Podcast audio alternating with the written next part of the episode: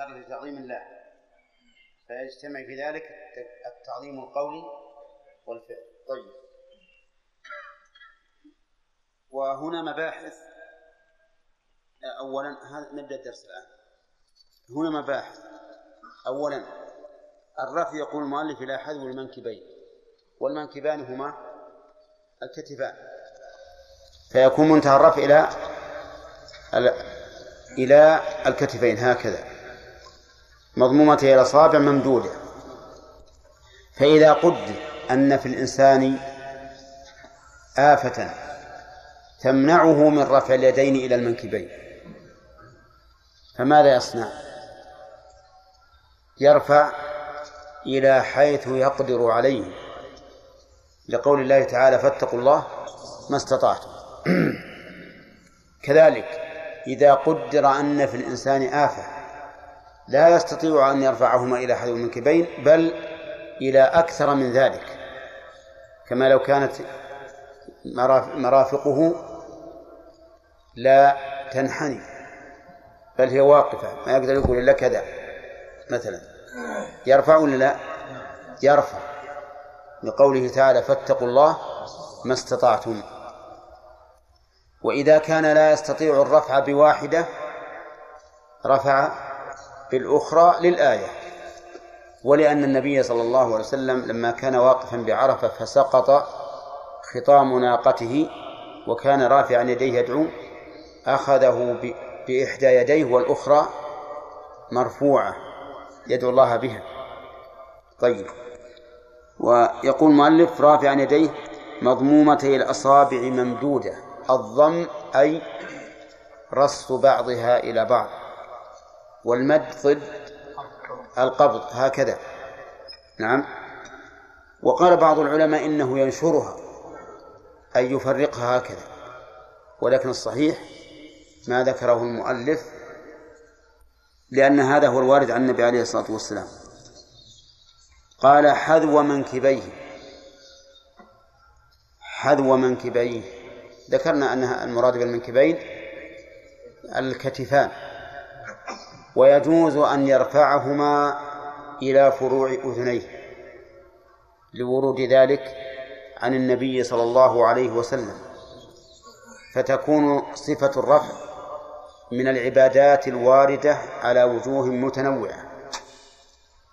والعلماء رحمهم الله اختلفوا في العبادات الواردة على وجوه متنوعة هل الأفضل الاقتصار على واحد منها أو الأفضل فعل جميعها في أوقات شتى أو الأفضل أن يجمع بين ما يمكن جمعه.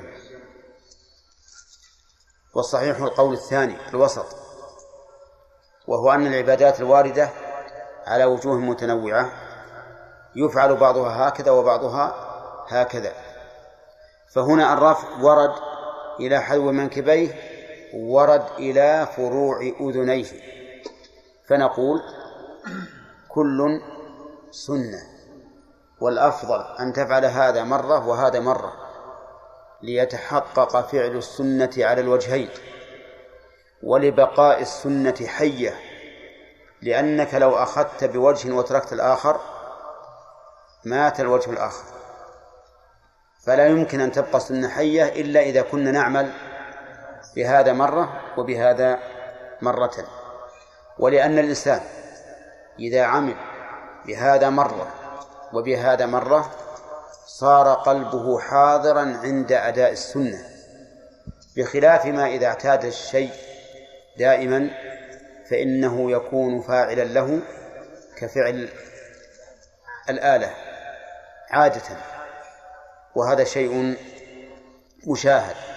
ولهذا من لزم الاستفتاح مثلا بقول سبحانك اللهم وبحمدك دائما تجده إذا من يوم يكبر نعم يشرع في سبحانك اللهم وبحمدك من غير شعور لأنه اعتاد ذلك. لكن لو كان يقول هذا مرة والثاني مرة صار منتبها. ففي فعل العبادات المتنوعة على وجوهها الواردة ثلاث إيش؟ ثلاث فوائد. الأول اتباع السنة. والثاني إحياء السنة والثالث حضور القلب. وربما يكون هناك وجه رابع في بعض الأحيان إذا كانت إحدى الصفات أقصر من الأخرى كما في في الذكر بعد الصلاة. أحيانا يكون الإنسان مثلا يحب أن يسرع في, في, في الانصراف فيقتصر على سبحان الله عشر مرات والحمد لله عشر مرات والله أكبر عشر مرات. فيكون هنا فاعلا للسنة قاضيا لحاجته. ولا حرج على الإنسان أن يفعل أن يفعل ذلك عند يعني مع قصد الحاجة كما قال تعالى في أهل الحج ليس عليكم جناح أن تبتغوا فضلا من ربكم. طيب. إذا الأفضل في رفع اليدين إيش؟ ها؟ أن, يف... أن يرفعهما مرة إلى حذو المنكبين ومرة إلى فروع الأذنين. وحاول بعض العلماء أن يجمع بين الروايات. وقال من قال إلى حذو المنكبين أراد أسفل الكف. ومن ومن قال إلى فروع الأذنين أراد أعلى الكف الأصابع. وهذا يعني يقول وهذا قريب أن يكون أسفل الكف محاذيا للمنكب وأعلاه محاذيا لفروع الأذنين. فمن قال بفروع الأذنين اعتبر أعلى الكف ومن قال إلى حذو المنكبين اعتبر أسفله ولكن نقول لا حاجة إلى هذا الجمع لأن الأصل أن المراد الكف نفسه لا أعلاه ولا أسفله. الظاهر المراد الكف نفسه لا أعلاه ولا أسفله ولأن الأمر في هذا واسع. الأمر واسع. يعني مثلا ليس الآن الإنسان مكلفا إلى إلى أن يتحرى إلى هذا الدقة بحيث يكون أسفل أسفل الكف محاذيا للمنكب وأعلاه محاذيا لفروع الأذنين. طيب ومتى يبتدئ الرفع المؤلف يقول يقول الله أكبر رافعا يديه. فمتى يبتدئ؟ الأحاديث الواردة في ذلك وردت أيضا على وجوه متعددة. فبعضها يدل على أنه يرفع ثم يكبر وبعضها على أنه يكبر ثم يرفع. وبعضها على أنه يرفع حين يكبر. يعني يكون ابتداء التكبير مع ابتداء الرفع وانتهاؤه مع انتهاء الرفع ثم يضع يديه. ونحن نقول إن, إن الأمر أيضا في هذا واسع. يعني سواء رفعت ثم كبرت أو كبرت ثم رفعت أو رفعت مع التكبير. الأمر في هذا واسع. إن فعلت أي أي صفة من هذه الصفات فأنت مصيب للسنة. يقول حذو منكبيه كالسجود أي كما يفعل في السجود إذا سجد فإنه يجعل يديه حذو منكبيه. وهذا أيضا إحدى الصفتين في السجود أن يجعل الإنسان يديه حذو منكبيه وسيأتي إن شاء الله كيف تكون الذراعان. لكن المؤلف ذكر هذا استطرادا. ولا ليس هذا موضع ذكر موضع ليس هذا موضع ذكر اليدين في حال السجود. طيب وسيأتي إن شاء الله أن هناك صفة أخرى وهو أن يسجد بين كفيه فيقدم الكفين حتى يحاذي بهما وجهه ويسجد بينهما. ثم قال المؤلف ويسمع الإمام من خلفه وغيره نفسه. يسمع الإمام من خلفه في إيش؟ في التكبير. لأن المؤلف يقول يكبر يقول الله أكبر ثم قال ويسمع الإمام من خلفه وغيره نفسه. يسمع من خلفه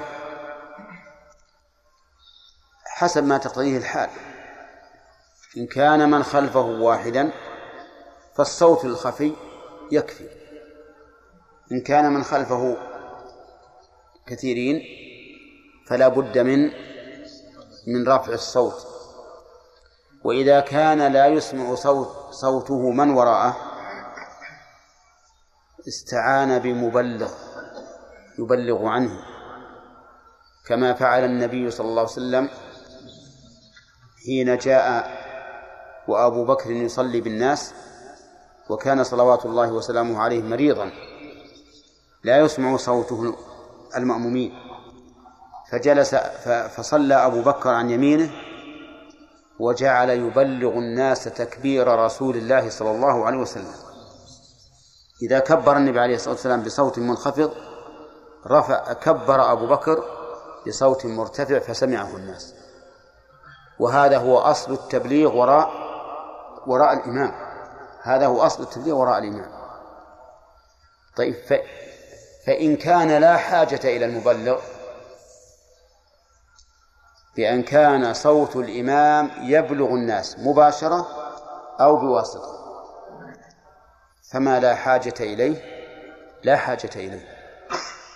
أي لا يسن أن يعيد أحد تكبير الإمام إذا كان تكبير الإمام يصل إلى المأمومين لأن هذا إنما يفعل عند الحاجة فقط وإذا لم يكن حاجة فليس بسنة باتفاق المسلمين. نعم. وقول المؤلف يسمع الإمام من خلفه. هل هذا على سبيل الاستحباب أو على سبيل الوجوب؟ المشهور من المذهب أنه على سبيل الاستحباب. وليس على سبيل الوجوب وأن الإمام له أن يكبر تكبيرا خفيا. لا يسمع. كما أن للمنفرد والمأموم ذلك. كما أن المأموم لا يرفع الصوت وكذلك المنفرد لا. فللإمام أن يفعل كذلك فلا يرفع صوته. ولكن الأفضل أن يرفع صوته. ولكن ظاهر كلام المؤلف أن هذا على سبيل الوجوب لا على سبيل الاستحباب. لأنه قال وغيره نفسه وإسماع الغير أي غير الإمام نفسه واجب. فيكون قوله ويسمع الإمام من خلفه إيش؟ واجبا. وهذا الذي ذهب الذي هو ظاهر كلام المؤلف هذا هو القول الصحيح. أنه يجب على الإمام أن يكبر تكبيرا مسموعا يسمعه من خلفه. أولا لفعل النبي عليه الصلاة والسلام. فإنه لو كان الأمر غير غير واجب لم يكن هناك داع إلى أن يبلغ أبو بكر التكبير لمن خلف النبي صلى الله عليه وسلم. وثانيا لأنه لا يتم اقتداء المأمومين بالإمام إلا بسماع إيش؟ التكبير. وما لا يتم الواجب إلا به فهو واجب. أنا أعتقد لو أن الإمام إذا قام من السجود لم يرفع صوته بالتكبير. متى يقوم الناس؟ ما يقومون إلا إذا شرع في الفاتحة. نعم إلا إذا شرع في الفاتحة وجهر بها مع أن جهروا في الفاتحة على سبيل الاستحباب. فالصواب بلا شك والقول الصحيح بلا شك أنه يجب على الإمام أن يرفع صوته بالتكبير والتسميع بحيث يسمعه من وراءه بحسب الحال. قال المؤلف رحمه الله يسمع الإمام من خلفه وغي... نعم كقراءته في أولتي غير الظهرين. أي كما يسمع القراءة في أولتي غير الظهرين. أولتي هذه مثنى ولا جمع؟ مثنى. أين النون؟ حذفت للإضافة. كذا لأنه يحذف أن التنوين والنون عند الإضافة. كذا؟ صحيح؟ طيب. وقول أولتي غير الظهرين. ما هما الظهر؟ ما هما الظهران؟ الظهر والعصر. وأطلق عليهما اسم الظهرين تغليبا. كما يقال العشاءين وكما يقال العمرين وكما يقال القمرين. ها؟ طيب. إذن المراد في أولها غير الظهرين يعني الظهر والعصر. فهو يجهر في كل ركعتين أولتين في غير الظهرين. ولننظر ماذا يشمل. يشمل المغرب. أولى والعشاء. والفجر. لكن الفجر ليس إلا ها؟ إلا ركعتين. لكنه داخل في كلام المؤلف. يشمل الجمعة. يشمل العيدين. يشمل الاستسقاء. يشمل التراويح. ويشمل الوتر. نعم.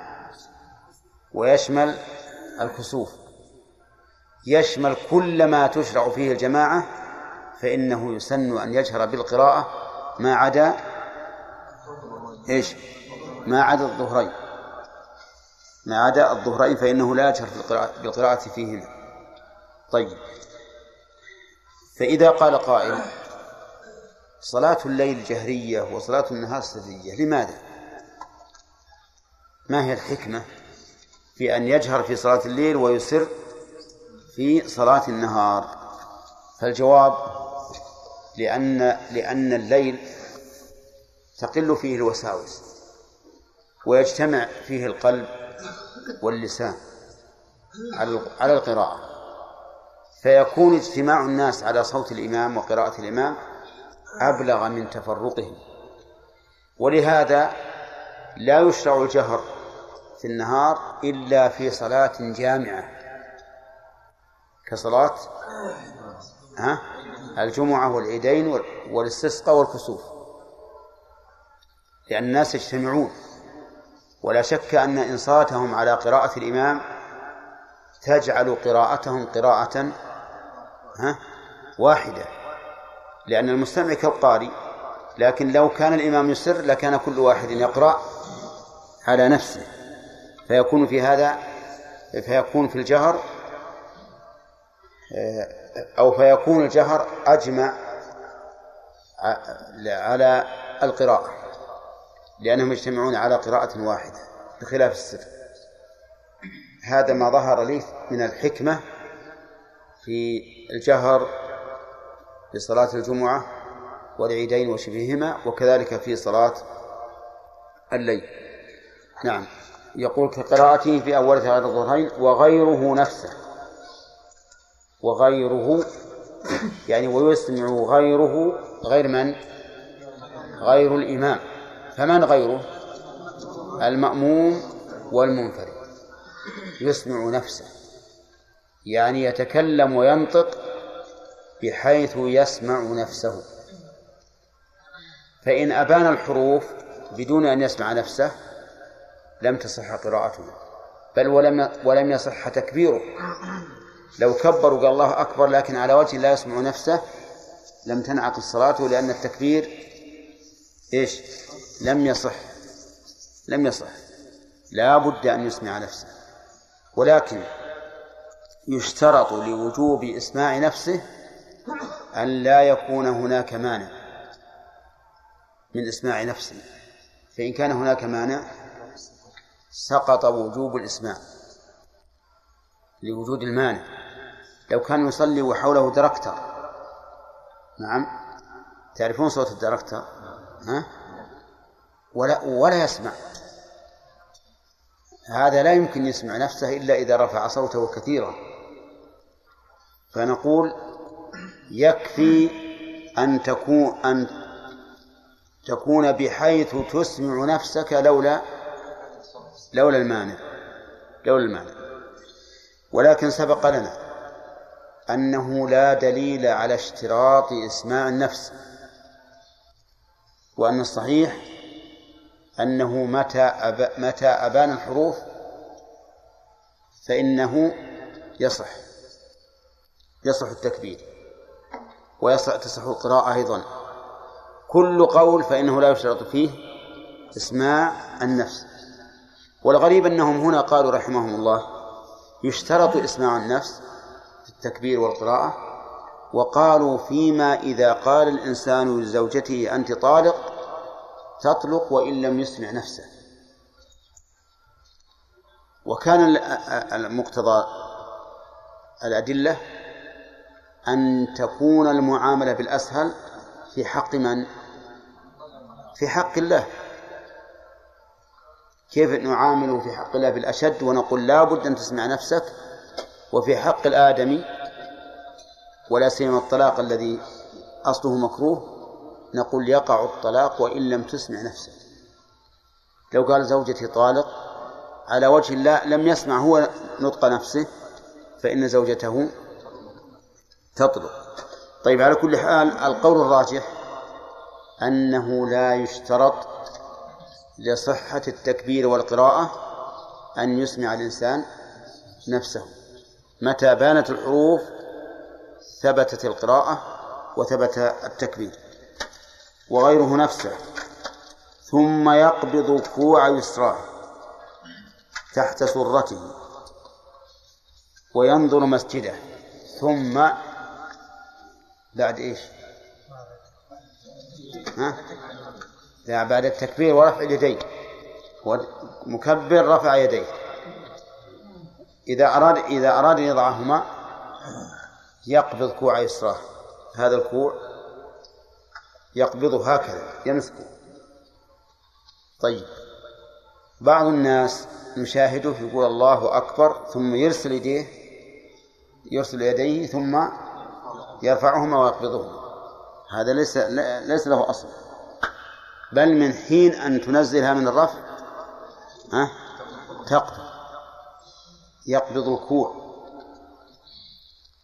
أين الكوع؟ الكوع في مفصل الكف من الذراع. ويقابله الكرسوع. وبينهما الرسل. بنسأل هداية الله. أين الكوع والكرسوع يا هداية الله؟ هذا؟ الركبة الكوع لا لا الكوع هذا. أين هو؟ ها؟ هذا؟ الذي عند الخ... اللي تحت الخنصر؟ يعني الكف والذراع مكاسل بين الكف والذراع. المفصل اللي بين الكف والذراع. لكن هذا المفصل فيه ثلاثة أشياء. فيه كوع وكرسوع ورسل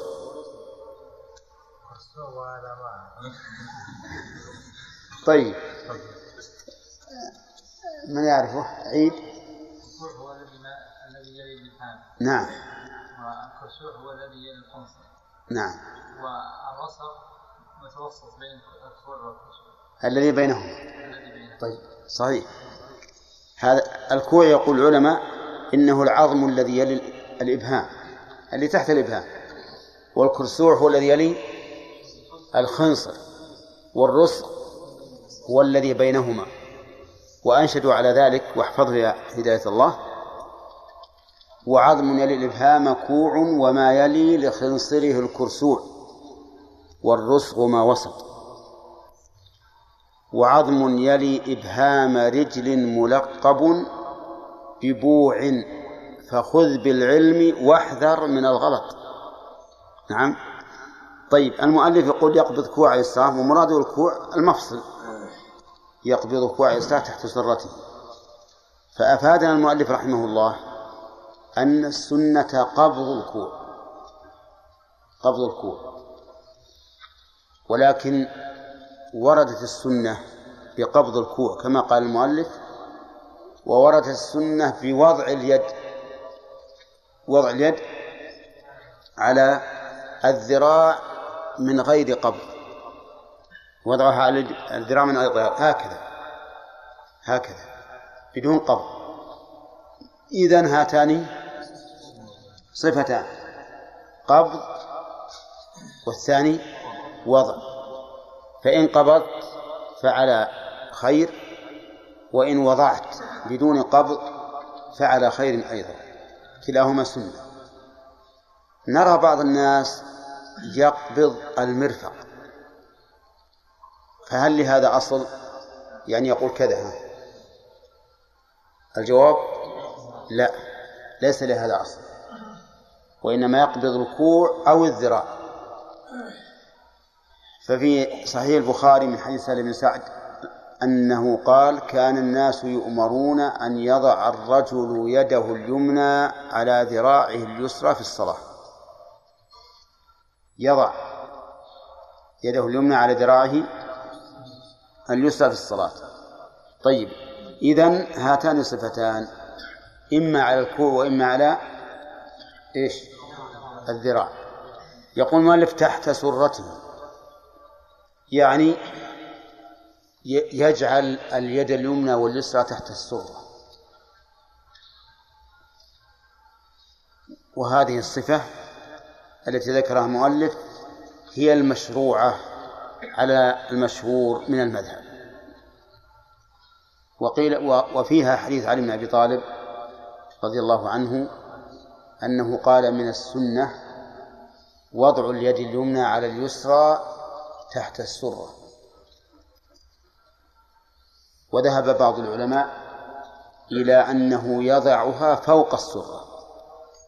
ونص الإمام أحمد على ذلك. أنه يضع اليدين فوق السرة. ولكنها تحت الصدر. وذهب آخرون من أهل العلم إلى أنه يضع إلى أنه يضعهما على الصدر. وهذا هو أقرب الأقوال. والسنة في ذلك كلها فيها مقال لكن حديث سهل بن سعد الذي في البخاري ظاهره يؤيد أن الوضع يكون على الصدر. على أن الأحاديث الواردة على ما فيها من المقال أمثلها حديث وائل بن الحجر أن النبي صلى الله عليه وسلم كان يضعهما على صدره هكذا. فهذا أحسن ما يكون من الوضع طيب نرى بعض الناس يضعهما على جنب هكذا على جنبه هكذا. يعني الجنب الأيسر هكذا. وإذا سألته لماذا؟ قال لأن هذا جانب القلب. هذا جانب القلب. وكأن قلبه يطير إذا دخل في الصلاة فيضع يديه على قلبه ليمسكه. ولكن هذا هذا التعليل عليل. وإن شئت فقل ميت. أولا لأنه في مقابل السنة. وكل تعليل في مقابل السنة فإنه مردود على صاحبه. لأن السنة أحق بالاتباع. وثانيا أن النبي صلى الله عليه وسلم نهى أن يصلي الرجل مختصرا أي واضعا يده على خاصرته. وهذا إن لم ينطبق عليه النهي فهو قريب منه. لهذا إذا رأيت أحدا يفعل هكذا فانصح وقل ما هكذا السنة؟ ثم إن فيه شيء آخر شيئا ثالثا وهو أن فيه إجحافا لعدم التوسط في البدن لأنه الآن فضل جانب اليسار على جانب اليمين. فنقول خير الأمور الوسط العدل. فكن بين اليمين وبين اليسار وضع اليدين على الصدر. طيب. نعم.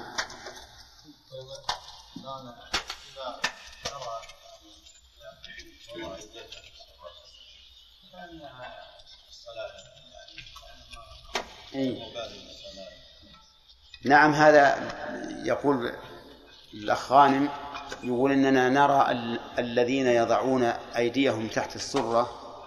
تجده واضع يده تحت السرة وقال انسدى يمكن يهوجس. يعني يشعر بأنه كسلان بأنه كسلان وأن رفع اليد يكون في الغالب انشط نعم وهذا صحيح. لكن يجب أن نعلم أن العادة لها أثر لها أثر. ربما لما اعتادوا ذلك صار عندهم سهلا.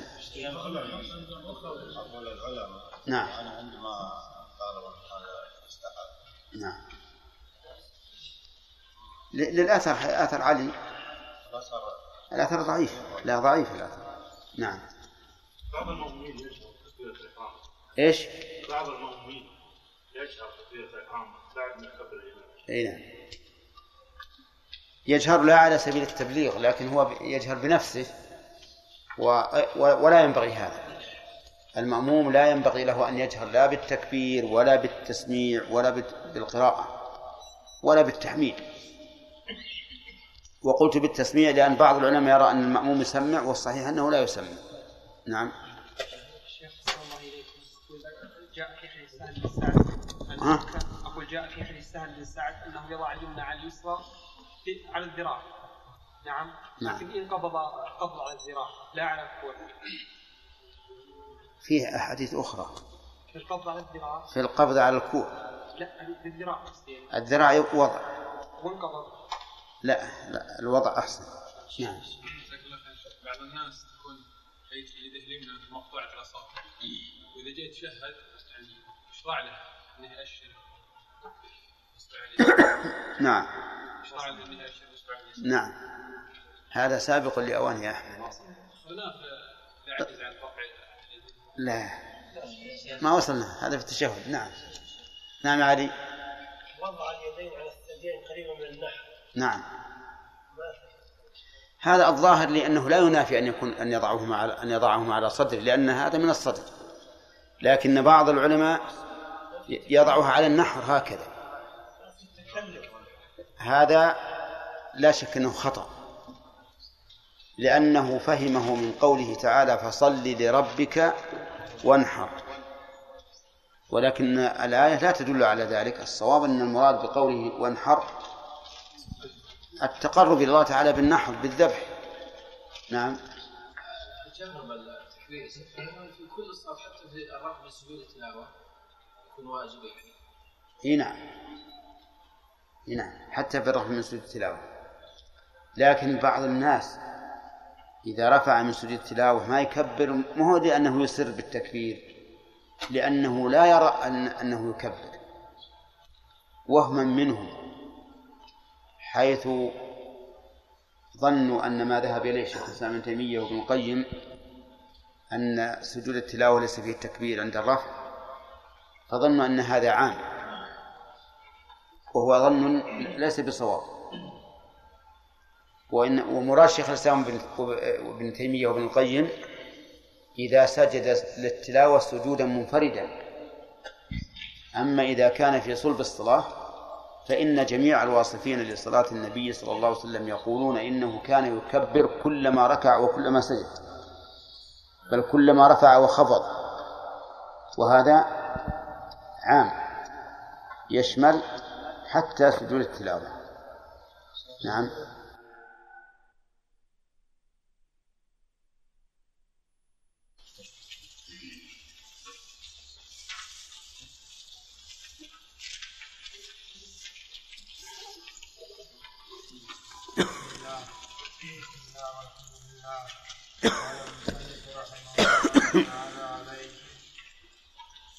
ويقول الله رافعا يديه مضمومتي إلى ممدودة حول منكبيه كالسجود ويسمع الإمام من خلفه من من من خلفه؟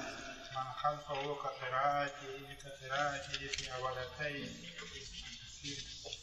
في, أولتي أولتي وغيره نفسه ثم يقبض على على كوع يساره تحت سرته وينظر مس- مسجده. ويقول سبحانك اللهم وبحمدك وتبارك اسمك وتعالى جدك ولا إله غيرك. بسم الله الرحمن كفاية بسم الله الرحمن الرحيم. الحمد لله رب العالمين والصلاة والسلام على نبينا محمد وعلى آله وأصحابه أجمعين. قال المؤلف رحمه الله تعالى ويسمع الإمام من خلفه كقراءته في أولتي غير الظهرين وغيره نفسه. هل هل إسماع الإمام من خلفه على سبيل الوجوب أو على سبيل الاستحباب؟ هذا الذي يفيد كلام المؤلف. كلام المؤلف يفيد الوجوب. نعم. كيف كيف علمت أن كلامه يفيد الوجوب بقوله يسمح هذا خبر. قوله وغيره نفسه. وغيره نفسه.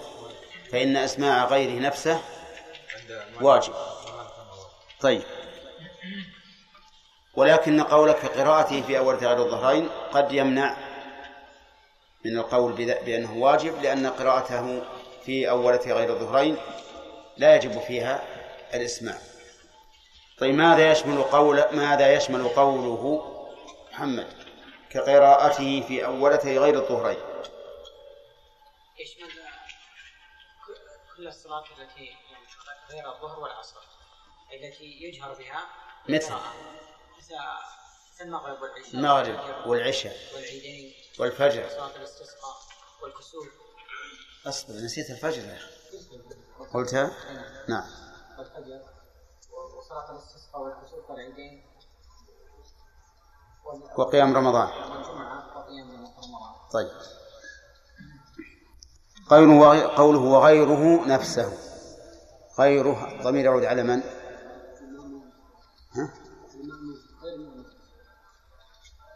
غيره يعود على من؟ الضمير يعود على من؟ أي, غير الإمام يسمع نفسه طيب هل, هل هناك قول آخر في المسألة؟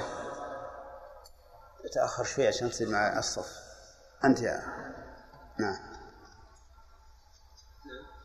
غيره نفسه إيه؟ ها؟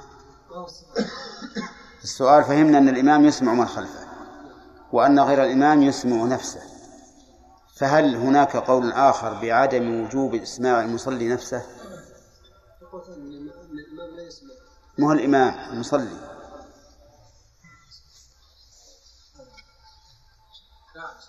فيه وما ما مناط الحكم أو ما العبرة عند هؤلاء الذين يقولون لا يجب أن يسمع نفسه؟ العبرة بإيش؟ نعم. أن يخرج الحروف من مخارجها. فإذا أخرج الحروف فلا شرط فليس بالشرط أن يسمع نفسه وهذا القول هو هو الراجح. طيب ثم قال المؤلف ثم يقبض كوع يسراه. ما هو الكوع يا شاكر؟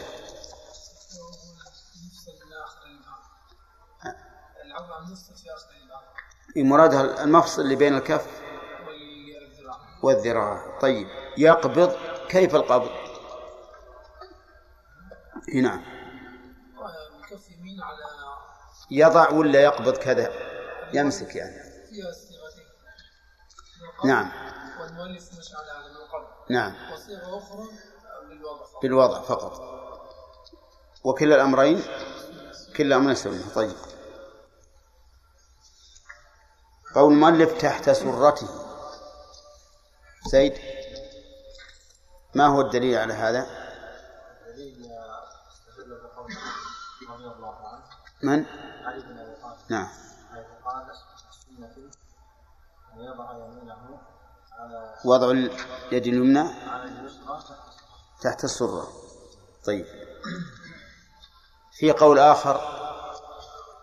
أحمد. ها؟ أنها توضع فوق السرة. وقول ثالث. أنها توضع على الصدر. طيب. وفيها أيضا قول الرابع.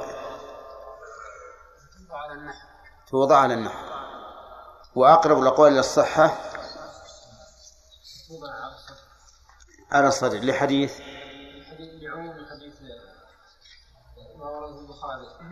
نعم سهل بن سعد الساعدي أمر الناس أن يضعوا. أن يضع الرجل الرجل اليد اليمنى على على ذراع اليسرى. وكذلك في الصلاة. نعم، حديث وائل بن حجر أيضا. فإن ظاهر فإن ظاهر هذه الصفة ها أن يكون على الصدر لأنه ما يضع اليد اليمنى على الذراع إلا وقد رفع الي- اليدين. وفيها أيضا حديث وائل بن حجر. اليمنى على اليسرى على فوق صدره. طيب. أما حديث علي فقد ضعفه كثير من أهل العلم ولا ولم يأخذوا به. طيب. قال المؤلف في مبتدأ اليوم وينظر وينظر مسجده أي موضع سجوده. ينظر الضمير يعود على المصلي وهو شامل لمن يصلي وحده أو مع الإمام وللإمام أيضا يعني يشمل الإمام والمأموم والمنفرد.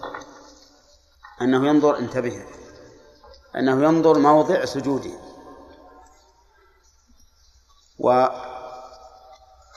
وعلى هذا كثير من أهل العلم. واستدلوا بحديث روي عن رسول الله صلى الله عليه وسلم في هذا أنه كان ينظر إلى موضع سجوده في حال صلاته. وكذلك قالوا في تفسير قوله تعالى قد أفلح المؤمنون الذين هم في صلاتهم خاشعون قالوا قالوا إن الخشوع أن ينظر إلى موضع سجوده. وقال بعض العلماء بل ينظر إلى حيث كان وجهه. تلقاء وجهه إلا إذا كان جالسا فإنه ينظر إلى يده حيث يشير عند الدعاء. وإلا فإنه ينظر تلقاء وجهه وفصل بعض العلماء بين الإمام والمنفرد وبين المأموم فقال إن المأموم ينظر إلى إمامه ليتح- ليتحقق من متابعته. ولهذا قال أبو الدرداء كان النبي صلى الله عليه وسلم إذا سجد لم يحن أحد منا ظهره حتى يقع رسول الله صلى الله عليه وسلم ساجدا ثم نقع سجودا بعده. قالوا فهذا دليل على أنهم ينظرون إليه. واستدلوا أيضا في بما جرى في صلاة الكسوف حيث أخبر النبي صلى الله عليه وسلم الصحابة أنه عرضت عليه الجنة وعرضت عليه النار. وقال حين وقال فيما إذ فيما عرضت عليه الجنة قال حيث رأيتموني تقدمت. وفيما عرضت عليه النار قال حينما رأيتموني تأخرت. وهذا يدل على أن المأموم ينظر إلى إمامه. والأمر في هذا واسع. ينظر الإنسان ما هو أخشى له. إلا في موضع إلا فيما في الجلوس فإنه ينظر إلى أصبعه يرمي ببصره إلى أصبعه حيث تكون الإشارة كما جاء ذلك في صحيح مسلم. واستثنى أهل العلم من هذه المسألة بل بعض أهل العلم. استثنى ما إذا كان في صلاة خوف. واستدلوا لذلك بأن النبي صلى الله عليه وسلم بعث عينا فجعل ينظر إلى ناحية الشعب وهو يصلي. لينظر إلى هذا العين والعين هو الجاسوس. ولأن ولأن الإنسان يحتاج إلى النظر يمينا وشمالا في حال الخوف والعمل ولو كان كثيرا في حال الخوف مغتفر فكذلك عمل البصر. وهذا الاستثناء صحيح. واستثنى بعض العلماء المصلي في المس... المصلي في المسجد الحرام. وقالوا ينبغي أن ينظر إلى الكعبة لأنها قبلة المصلي. ولكن هذا القول ضعيف. فإن النظر إلى الكعبة يشغل المصلي بلا شك. لأنه إذا نظر إلى الكعبة نظر إلى الناس وهم وهم يطوفون فأشغلوه. والصحيح أنه أن المسجد الحرام كغيره. ينظر فيه المصلي إما إلى موضع سجوده أو تلقاء وجهه. وأما النظر إلى فوق إلى السماء فإنه محرم. بل من كبائر الذنوب لأن النبي صلى الله عليه وسلم نهى عن ذلك واشتد قوله فيه حتى قال لينتهن يعني الذين يرفعون أبصارهم إلى السماء في الصلاة أو لتخطفن أبصارهم. وفي لفظ أو لا ترجعوا إليهم. وهذا وعيد. والوعيد لا يكون إلا على شيء من كبائر الذنوب. بل قال بعض العلماء إن الإنسان إذا رفع بصره إلى السماء وهو يصلي بطل الصلاة. واستدلوا لذلك بوجهين. الوجه الأول أنه انصرف بوجهه عن جهة القبلة. لأن الكعبة في الأرض وليست في السماء. والثاني أنه فعل محرما منهيا عنه في الصلاة بخصوصها. والفعل المحرم المنهي عنه في الصلاة في العبادة بخصوصها يقتضي بطلانها. يقتضي بطلانها. ولكن جمهور أهل العلم على أن على أن صلاته لا تبطل برفع بصره إلى السماء. لكن هو على القول الراجح آثم بلا شك لأن الوعيد لا يأتي على على فعل مكروه فقط. إذن ينظر المصلي إما تلقاء وجهه وإلا إلى موضع سجوده ولكن أيهما أرجح؟ ينبغي أن يختار ما هو أخشع لقلبه. طيب إلا في موضع واحد بل في موضعين في حال الخوف وفيما إذا إذا جلس فإنه يرمي ببصره إلى موضع إشارته إلى أصبعه كما جاءت به الحديث السنة عن النبي صلى الله عليه وسلم. أما في حال أما في حال صلاة المسجد الحرام والنظر إلى الكعبة فإن القول الصحيح أنه لا ينظر. ومن العجيب أنها أن القوم الذين قالوا ينظر إلى الكعبة قالوا لأن النظر إلى إلى الكعبة عبادة. وهذا التعليل يحتاج إلى إلى دليل. من أين لنا أن النظر إلى الكعبة عبادة؟ يحتاج إلى دليل هذا. لأن إثبات أي عبادة إن لم يكن له أصل من الشرع فإنه يكون بدعة. طيب فيه لو أن الإنسان أغمض عينيه بحيث لا ينظر شيئا. فهل هذا جائز أو لا؟ الصحيح أنه مكروه. صحيح أنه مكروه. لأنه يشبه فعل المجوس عند عبادتهم النيران حيث يغمضون أعينهم. وقيل إنه أيضا وقيل إنه أيضا من فعل اليهود. والتشبه بغير المسلمين أقل أحواله. التحريم كما قال شيخ الإسلام رحمه الله فيكون أن يكون إغماض البصر في الصلاة مكروها على أقل تقدير إلا إذا كان هناك سبب مثل أن يكون حوله من ما يشغله. لو لو فتح عينيه فحينئذ يغمض تحاشيا لهذه المفسدة. طيب فإن قال قائل أنا أجد نفسي إذا أغمضت عيني أخشع مما إذا لم أغمض عيني. فهل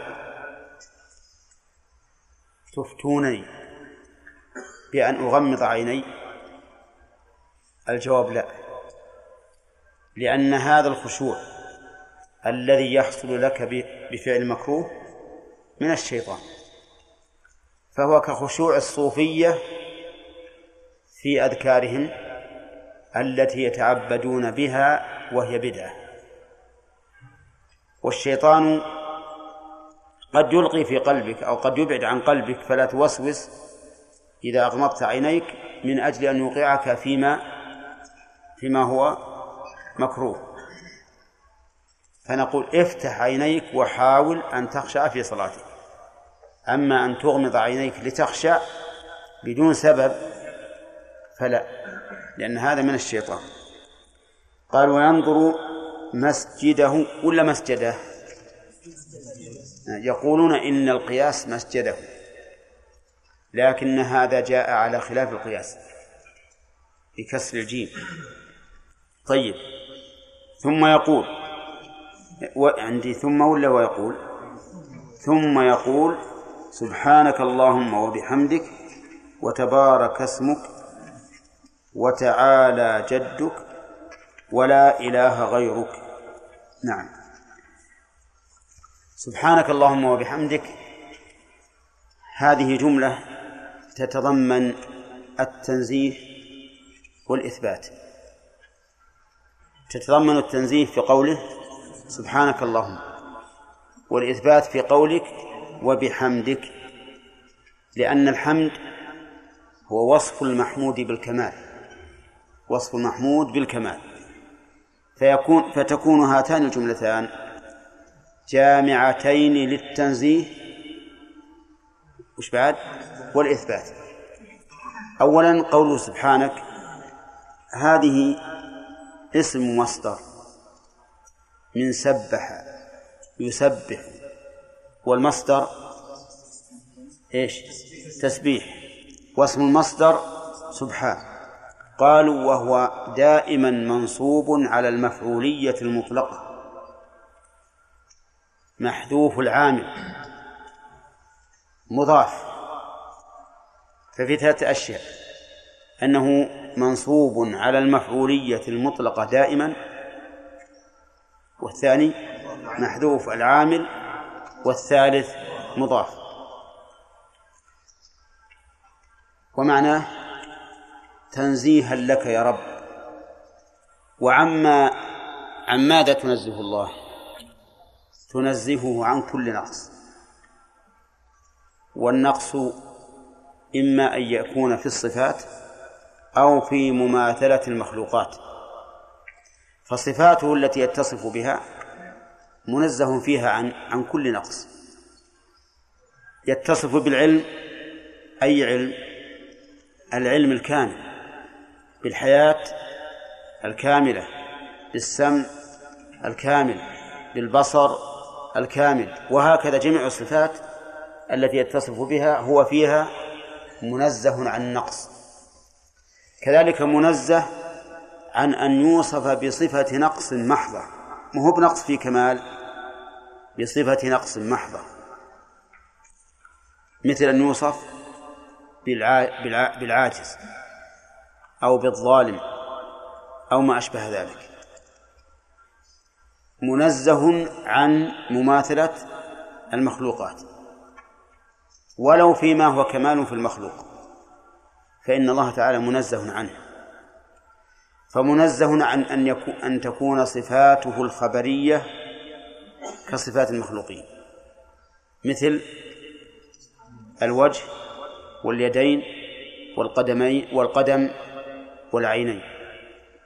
منزه عن أن يكون أن تكون هذه الصفات الخبرية كصفات المخلوقين.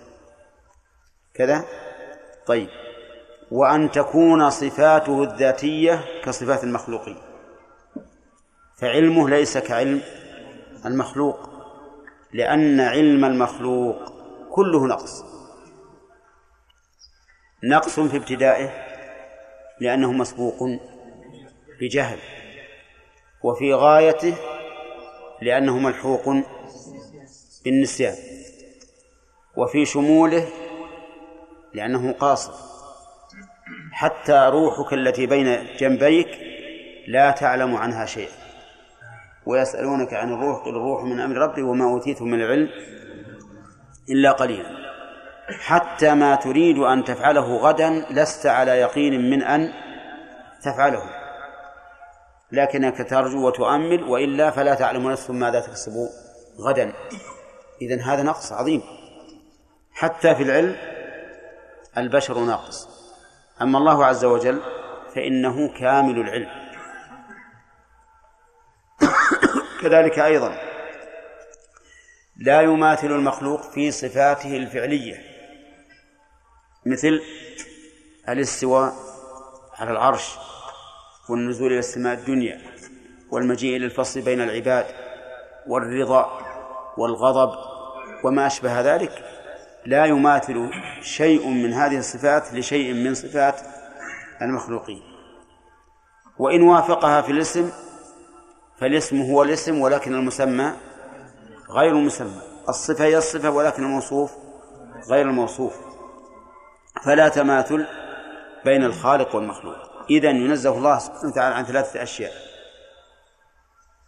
عن النقص في صفات الكمال وعن صفات النقص المجردة عن الكمال والثالث عن مماثلة المخلوقين. وتمثيله بالمخلوقين نقص لأن تسوية الكامل بالناقص تجعله ناقصا.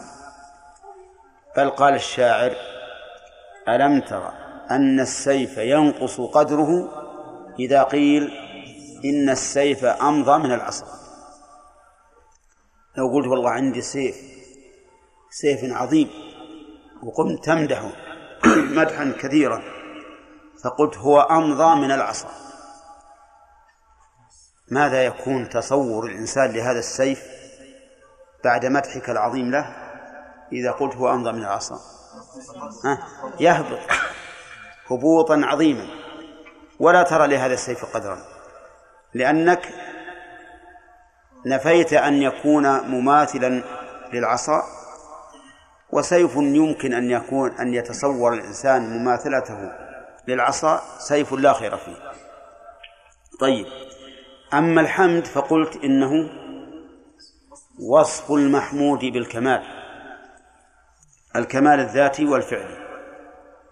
فالله سبحانه وتعالى كامل في ذاته ومن لازم كماله في ذاته أن يكون كاملا في صفاته.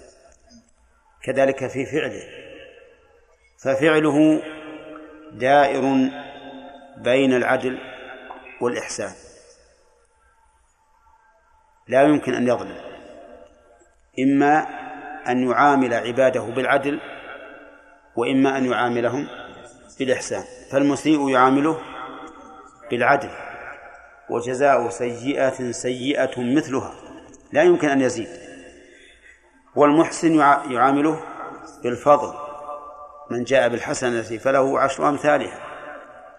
ففعله عز وجل دائر بين الأمرين ومن كان فعله دائرا بين الأمرين هذين وهما العدل والفضل فلا شك أنه محمود على أفعاله كما هو محمود على صفاته.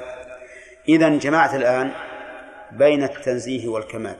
سبحانك اللهم وبحمدك. وعلى هذا فالواو تفيد معنى المعية. يعني ونزهتك تنزيها مقرونا بإيش؟ بالحمد. طيب. وتبارك اسمك. اسم هنا مص... اسم هنا مفرد. لكنه مضاف. مضاف. فيشمل كل اسم. فيشمل كل اسم. كل اسم من أسماء الله. وهل المراد بالاسم هنا المسمى؟ كما في قول تباركت يا ذا الجلال والإكرام. ويكون المراد بتبارك اسمك أي تباركت. كقول سبح اسم ربك الأعلى والمسبح من؟ الله المسمى. أو أن المراد أن اسم الله نفسه كله بركة. وإذا كان اسم المسمى بركة فالمسمى أعظم بركة وأشد وأولى. الثاني أظهر لأننا نسلم فيه من من التجوز بالاسم عن المسمى يفهمنا هذا أن تبارك تبارك الاسم تبارك لإيش؟ للمسمى. طيب أعطونا مثالا من بركة الاسم. مثال من بركة اسم الله. لو ذبحت ذبيحة بدون تسمية لكانت ميتة نجسة حراما. صح؟ ها؟ جيفة. ولو سميت الله عليها كانت ذكية طيبة حلالا. هذا من البركة. إذا سميت على الطعام لم يشارك الشيطان فيه. هذه بركة. وإن لم تسمي شاركك. إذا سميت على الوضوء عند قول من على قول من يرى وجوب التسمية صح وضوء وإن لم تسمي بطل وضوء وعلى القول وعلى قول من يرى استحبابها يكون وضوءك أكمل مما لو مما لو لم تسمي فهذه من بركة اسم الله عز وجل. وكل أمر لا أبدأ فيه بسم الله فهو فهو أبتر وتبارك اسمك وتعالى جدك. تعالى يعني ارتفع ارتفع. ارتفاعا معنويا. والجد بمعنى العظمة. الجد بمعنى العظمة. يعني أن عظمتك عظمة عظيمة عالية لا يناسب لا لا يساميها أي عظمة من عظمة البشر بل من عظمة المخلوق كلهم. وتعالى جدك ولا إله غيرك. لا إله غيرك. هذه هي كلمة التوحيد التي أرسل بها جميع الرسل. وما أرسلنا من قبلك من رسول إلا نوحي إليه أنه لا إله إلا أنا فاعبدوه. ومن كان آخر كلامه من الدنيا لا إله إلا الله دخل الجنة. فهي من أفضل الذكر أو أفضل الذكر. ومعناها لا معبود حق إلا الله. فإله بمعنى مألوف. وهو اسم لا النافية للجنس. وخبرها محذوف. خبرها محذوف. وإلا الله إلا أداة استثناء. والله بدل من الخبر المحذوف. هذا أصح ما قيل في معناها وفي إعرابها. إذا معناها لا معبود حق إلا الله. فهل هناك معبود باطل سوى الله؟ نعم هناك معبود باطل سوى الله. لقوله تعالى ذلك بأن الله الحق وأن ما يدعون من دونه هو الباطل. وهذه الآلهة وإن سميت آلهة فهي باطلة. إن هي إلا أسماء سميتموها أنتم وآباؤكم ما أنزل الله بها من سلطان. هذه الكلمة لها مقتضى. مقتضاها التسليم التام لله عز وجل. لأن العبادة مأخوذة من من الذل. ومنه طريق معبد أي مذلل مسهل. فمقتضى هذه الكلمة العظيمة الاستسلام لله تعالى ظاهرا وباطنا. فأنت الآن تخبر خبرا تنطقه بلسانك وتعتقده بجنانك بأن الله هو المعبود حقا وما سواه فهو باطل. طيب ثم تأمل كيف جاءت هذه الكلمة التي فيها توحيد الله في بألوهيته بعد الثناء عليه. ليكون توحيده بالألوهية مبنيا على كماله.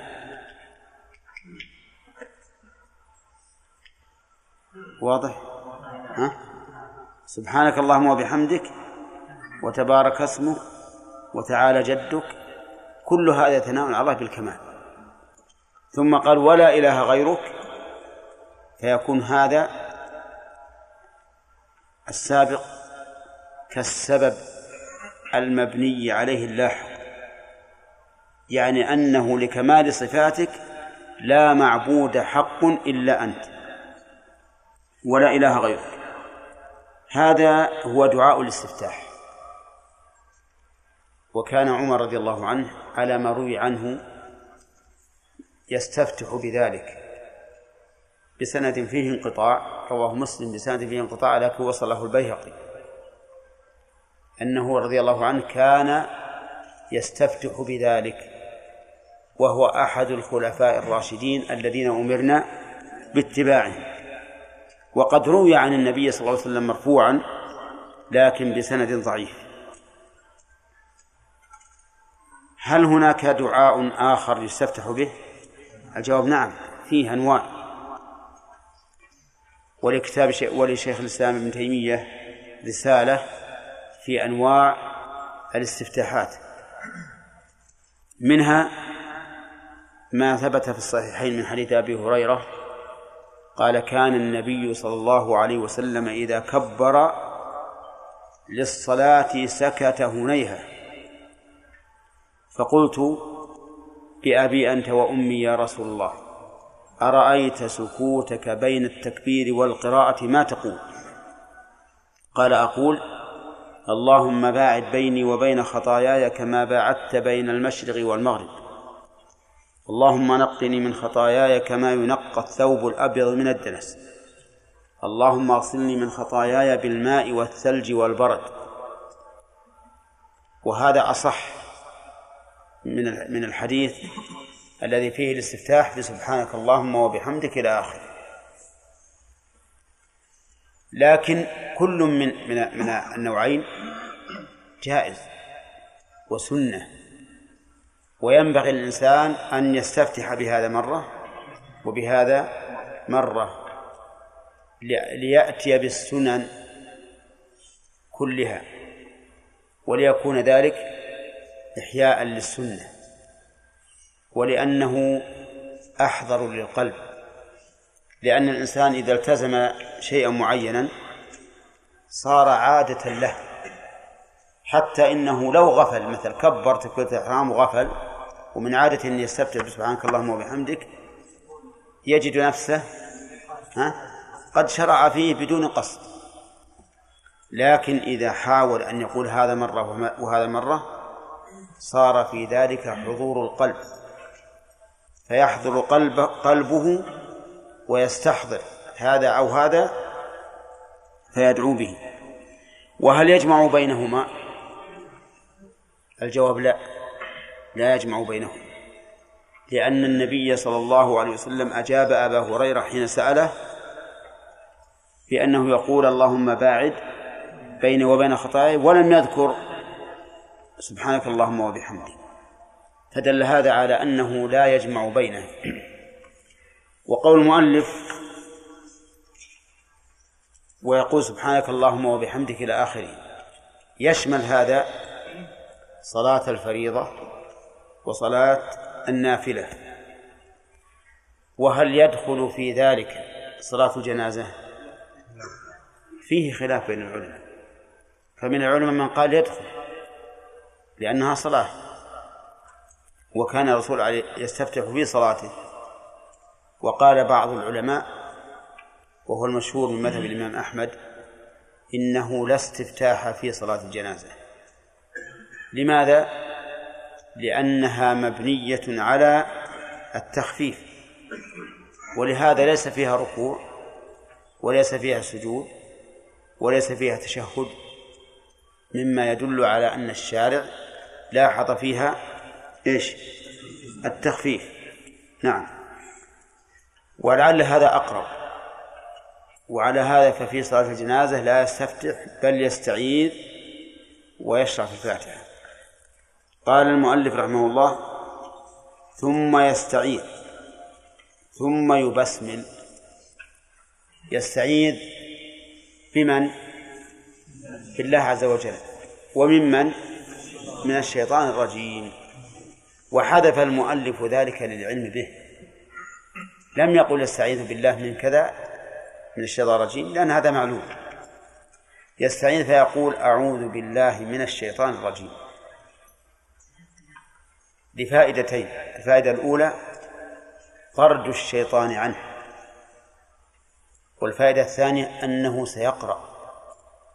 والإنسان مشروع له عند قراءة القرآن أن يستعيذ بالله من الشيطان الرجيم. بل قد قال بعض العلماء إنه يجب أن يستعيذ بالله من الشيطان الرجيم لأمر الله بذلك. في قوله فإذا قرأت القرآن فاستعذ بالله من الشيطان الرجيم. وما معنى أعوذ؟ معناها ألتجئ وأعتصم بالله. وهو سبحانه وتعالى الملجأ لكل مؤمن. لا ملجأ منه إلا إليه. والشيطان اسم جنس. لا يشمل لا لا يختص بشيطان معين بل هو شامل لجنس الشيطان. والشيطان مشتق من شطن أي بعد. لبعده عن رحمة الله. فإن الله لعنه أي طرده وأبده عن رحمته. وقيل من شاط إذا غضب لأن الشيطان طبيعته الطيش والغضب والتسرع وعدم التأني. ولهذا لم يتقبل أمر الله سبحانه وتعالى بالسجود لآدم بل رده فورا وأنكر السجود له. أسجد لمن خلقت طينا وعلى كل فإن الشيطان يحرص غاية الحرص على أن يفسد على المرء صلاته. فتجده يأتيه من كل باب. إذا سد بابا فتح عليه بابا آخر بسرعة. وإذا سده فتح عليه بابا ثالثا وهلم جرا.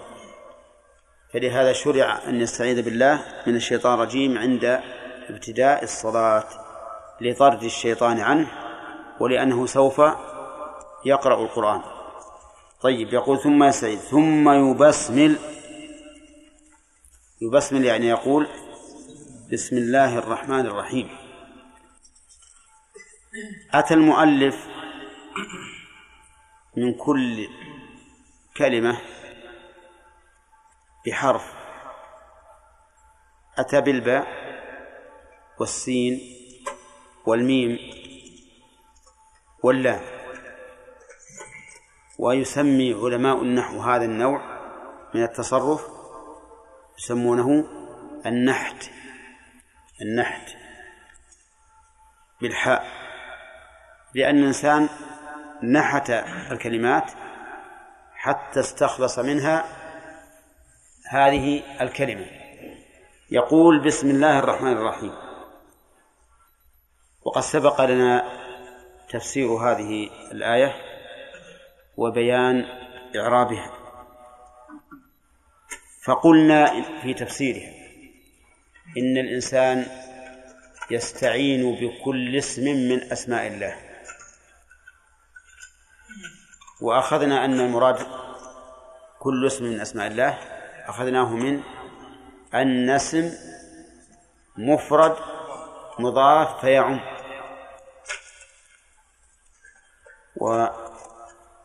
ويتوسل المبسمل إلى الله تعالى بوصف الرحمة. لأن الرحمة تعين الإنسان على عمله والإنسان مبسمل يريد أن يستعين بالبسملة بل بأسماء الله على أعماله. أما إعرابها فقد ذكرنا مرات كثيرة أن أصح ما قيل فيها من الإعراب أنها متعلقة بفعل محذوف متأخر مناسب للمقام. ولماذا قلنا إنها متعلقة بفعل؟ لأن الأفعال هي الأصل في العمل. محذوف تبركا بالاقتصار على على اسم الله عز وجل ولكثرة الاستعمال. وثالث ومتأخر لأن في تأخيره في تقديره متأخرا فائدتين. الفائدة الأولى التبرك بتقديم اسم الله عز وجل. والفائدة الثانية الحصر لأن تقديم المعمول يفيد الحصر. وقدرناه مناسبا للمقام لأنه أدل على مقصود المبسم لنصب نعم. فإنك إذا قلت بسم الله وأنت تريد القراءة فكيف يكون التقدير؟ بسم الله أقرأ. وهذا أخص مما لو قلت بسم الله أبتدئ. لأنك لأن لأن القراءة أخص من من مطلق الابتداء. نعم. يقول بسم الله الرحمن الرحيم ثم يبسمل ثم يقرأ. نعم.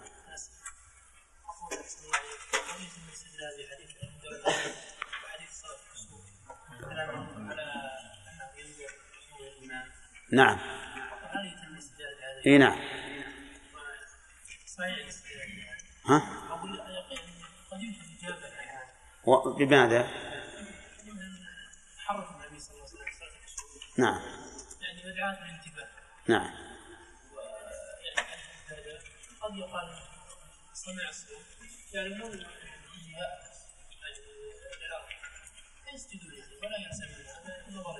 حتى يقع ساجدا. ما قال حتى ينقطع صوته. خلاف الظاهر هذا. خلاف الظاهر. نعم.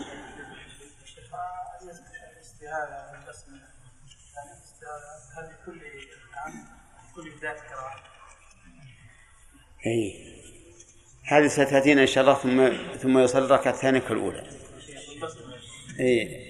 البسملة في كل صلاة ما فيها إشكال. في كل ركعة. مثلا في سورة المثل يقرأ ثلاث سور اي يعني يبسمل بسم الله كل واحد. نعم. يعني ورد حديث النبي صلى الله عليه وسلم يعني سأل خباب رضي الله عنه بما كنتم تعلمون قراءة النبي صلى الله عليه وسلم في الظهر والعصر.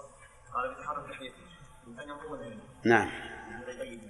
اي وهذا يؤيد القول هذا. نعم. ها؟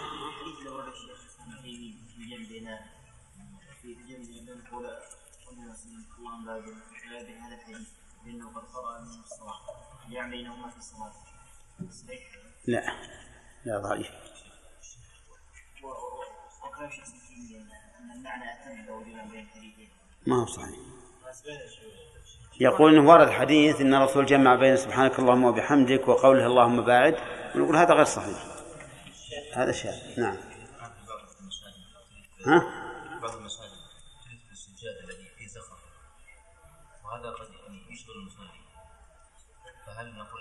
يقول بعض المساجد فيها سجاد فيها زخرفة وهو يشغل المصلي.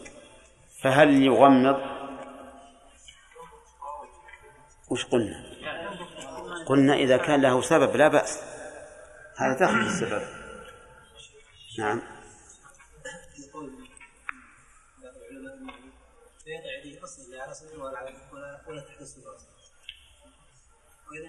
ان هذا وروي هذا الحديث ان الامام مالك انه ان النبي صلى الله عليه وسلم على صدره كيف يكون مثل الامام مالك وهو روى في هذا ما هو مذهب. ما هو مذهب مالك اصطلاح آه شخصيا اصطلاحا يعني مذهب أصحاب مالك أما مالك نفس نفسه فلا مثل ما أصحاب الإمام أحمد أحيانا يقولون قولا يكون هو المذهب عندهم اصطلاحا وليس مذهبا شخصيا يخالف نصه. نعم؟ ها؟ نعم.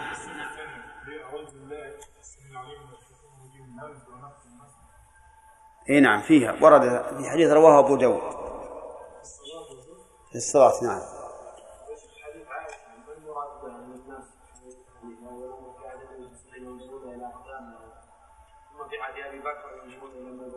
في عهد عمر ينظرون إلى الامام وفي عهد عثمان والله ما أدري عن هذا الحديث. ما أدري عن صحته. نعم. إيه أقول ما أدري عن صحته.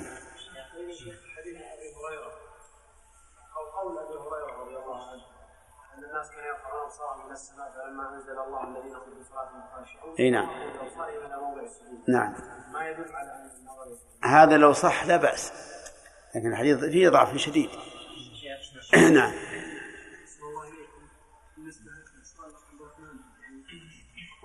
قد يشاهد المأموم الإمام وهو لم ينظر لا ينظر إليه البصر لأن الإنسان أحيانا أنظر هكذا للأمام وأرى خلفي يتحرك وأرى على جانبي أو الآن متقدما قليلا أرى يتحرك مع أنني ما أنظر إليه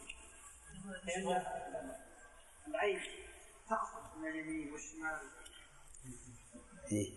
هاي ما والله ما أدري. إن كان الله خلق لك أربع عيون خمس عيون يمكن.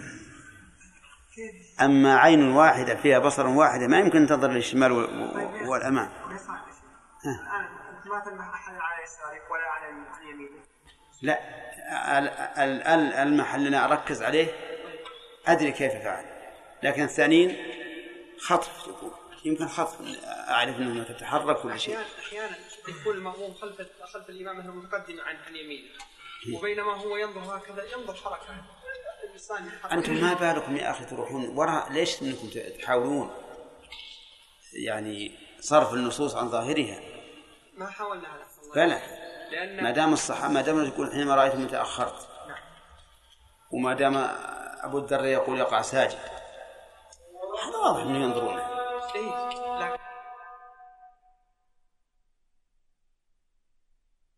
ها؟ لا لا نعم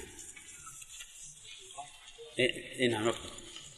بسم الله الرحمن الرحيم الحمد لله والصلاة والسلام على رسول الله وبعد وقد قال المؤلف رحمه الله تعالى ثم يستعيد ثم يبسمل سرا وليست من الفاتحة ثم يقرأ الفاتحة فإن قطعها بذكر أو سكوت غير مشروعين وطال أو ترك منها تشديدة أو حرفا أو ترتيبا لزم غير مأموم غير إعادة. غير.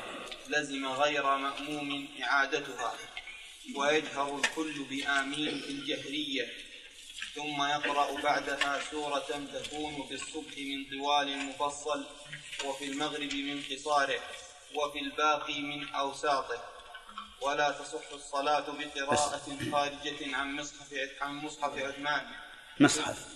عن مصحف عثمان. بس. بسم الله الرحمن الرحيم. الحمد لله رب العالمين والصلاة والسلام على نبينا محمد وعلى آله وأصحابه أجمعين. سبق لنا أن الإنسان إذا فرغ من التكبير فإنه يضع يده اليمنى على اليسرى. إما قبضا وإما وضعا فالقبض معروف يقبض هكذا والوضع يضع هكذا وكلاهما جاءت به السنة. وسبق لنا أن العلماء اختلفوا هل تكون على الصدر أو على السرة أو فوقها أو تحتها أو عند النحر. وأن أقرب الأقوال أن تكون على الصدر. وسبق لنا أيضا أن الإنسان ينظر إلى موضع سجوده لأنه أخشع له وقد ذكر كثير من المفسرين أن هذا هو معنى الخشوع المذكور يا حجاج في قوله تعالى قد أفلح المؤمنون الذين هم في صلاتهم خاشعون وأن العلماء اختلفوا في هذا فمنهم من يقول هكذا ومنهم من يقول ينظر إلى تلقاء وجهه. ما لم يكن مأموما فإنه ينظر إلى إمامه. ومنهم من نعم. ويستثنى من ذلك حال التشهد. حال الجلوس فإنه ينظر إلى سبابته حيث يشير بها. وذكرنا أن الأولى في ذلك أن ينظر ما هو أنفع له وأخشى. والذين قالوا إنه ينظر إلى الإمام الذي يظهر لي من أنهم أن الذي ينظر إلى الإمام من كان قريبا منه بحيث لا يستلزم التفاتا. فإن فإن استلزم التفاتا فالالتفات مكروه. قال النبي عليه الصلاة والسلام حين سئل عنه إنه اختلاس يختلسه الشيطان من صلاة العصر. وذكرنا أن بعض العلماء استثنى ما إذا كان إذا كان تجاه الكعبة فإنه ينظر إليها. وقلنا إن هذا لا دليل عليه.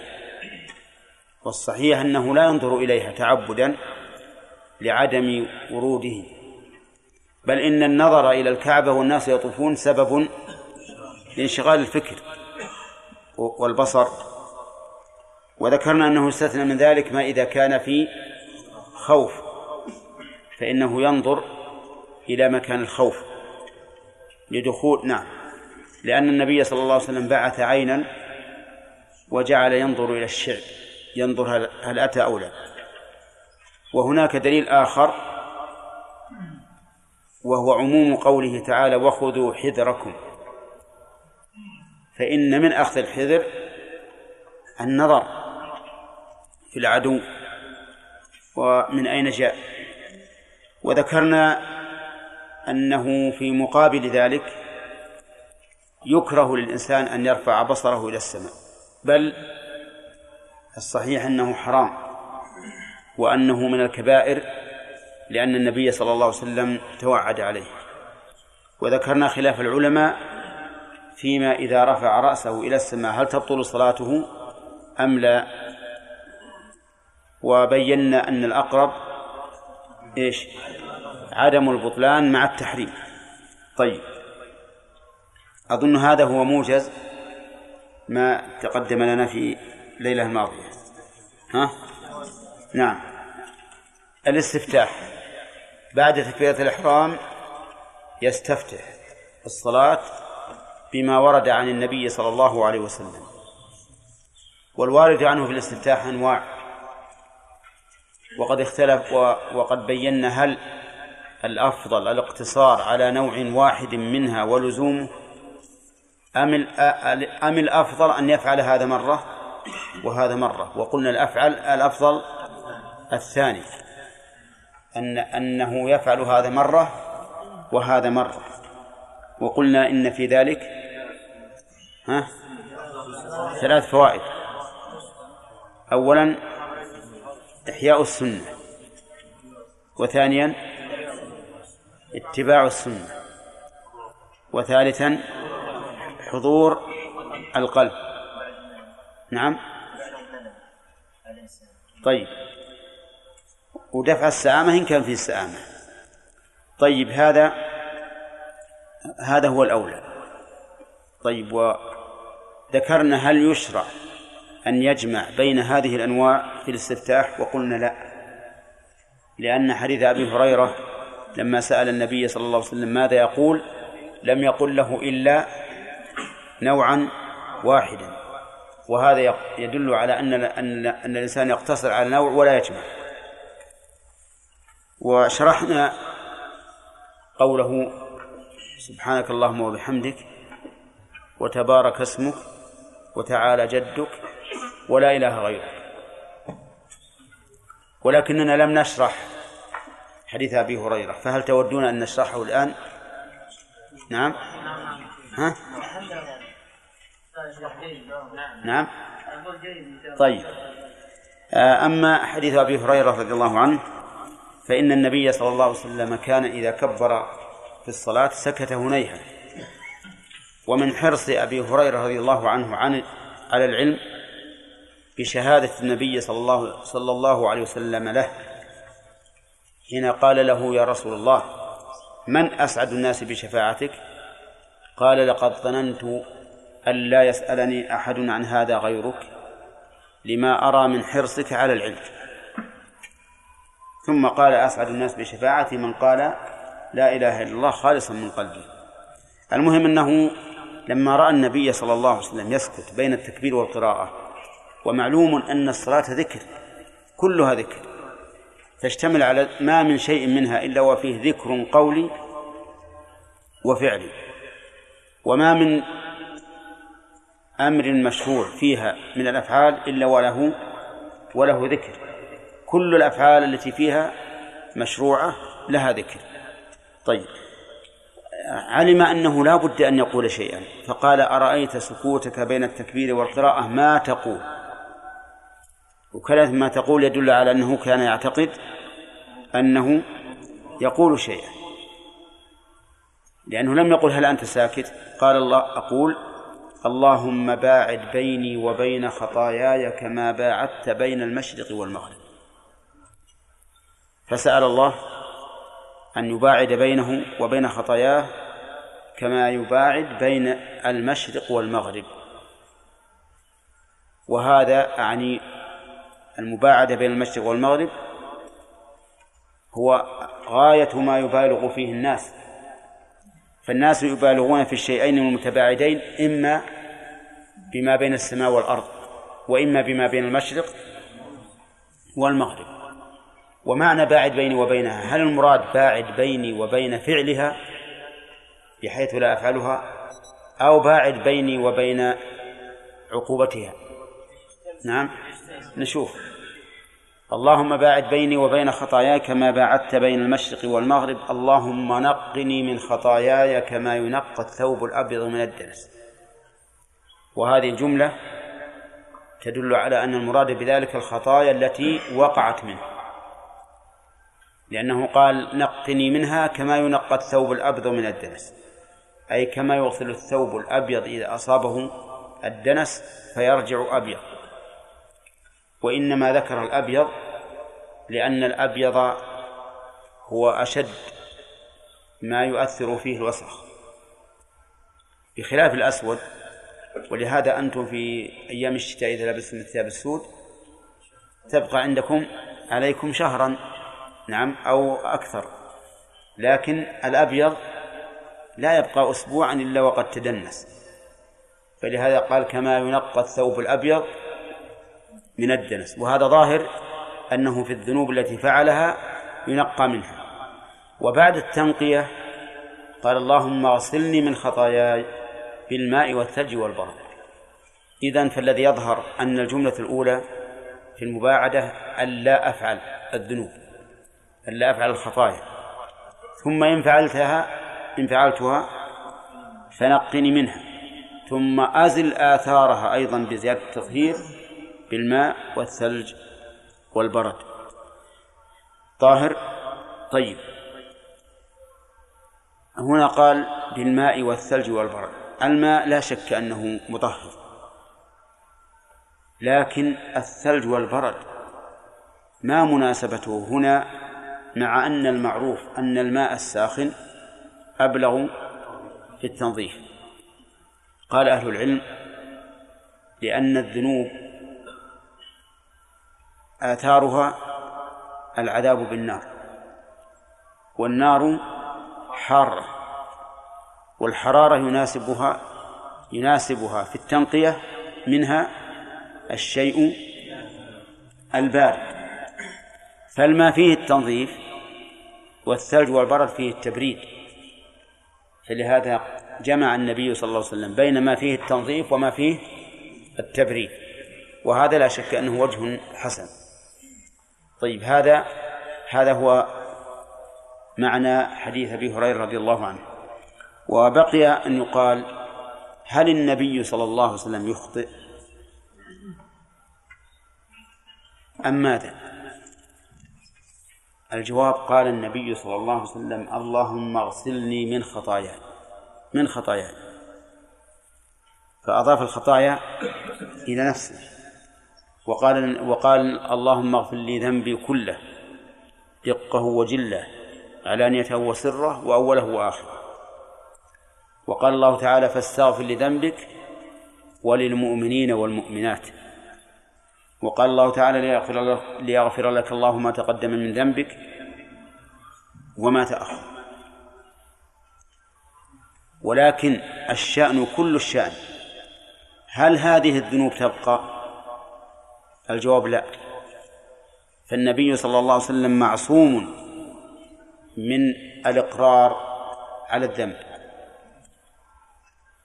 معصوم من ذلك. بخلاف غيره بخلاف غيره فإنه يذنب وقد يقر على ذلك ويستمر في معصيته وقد لا يغفر له. أما النبي صلى الله عليه وسلم فإنه مغفور له مغفور له الذنب ولا يقر عليه عليه الصلاة والسلام. بل لا بد أن ينبه عليه مهما كان الأمر. يا أيها النبي لما تحرم ما أحل الله لك؟ تبتغي مرضات أزواجك؟ والله غفور رحيم. هذا هو فصل الخطاب في هذه المسألة التي تنازع تنازع الناس فيها.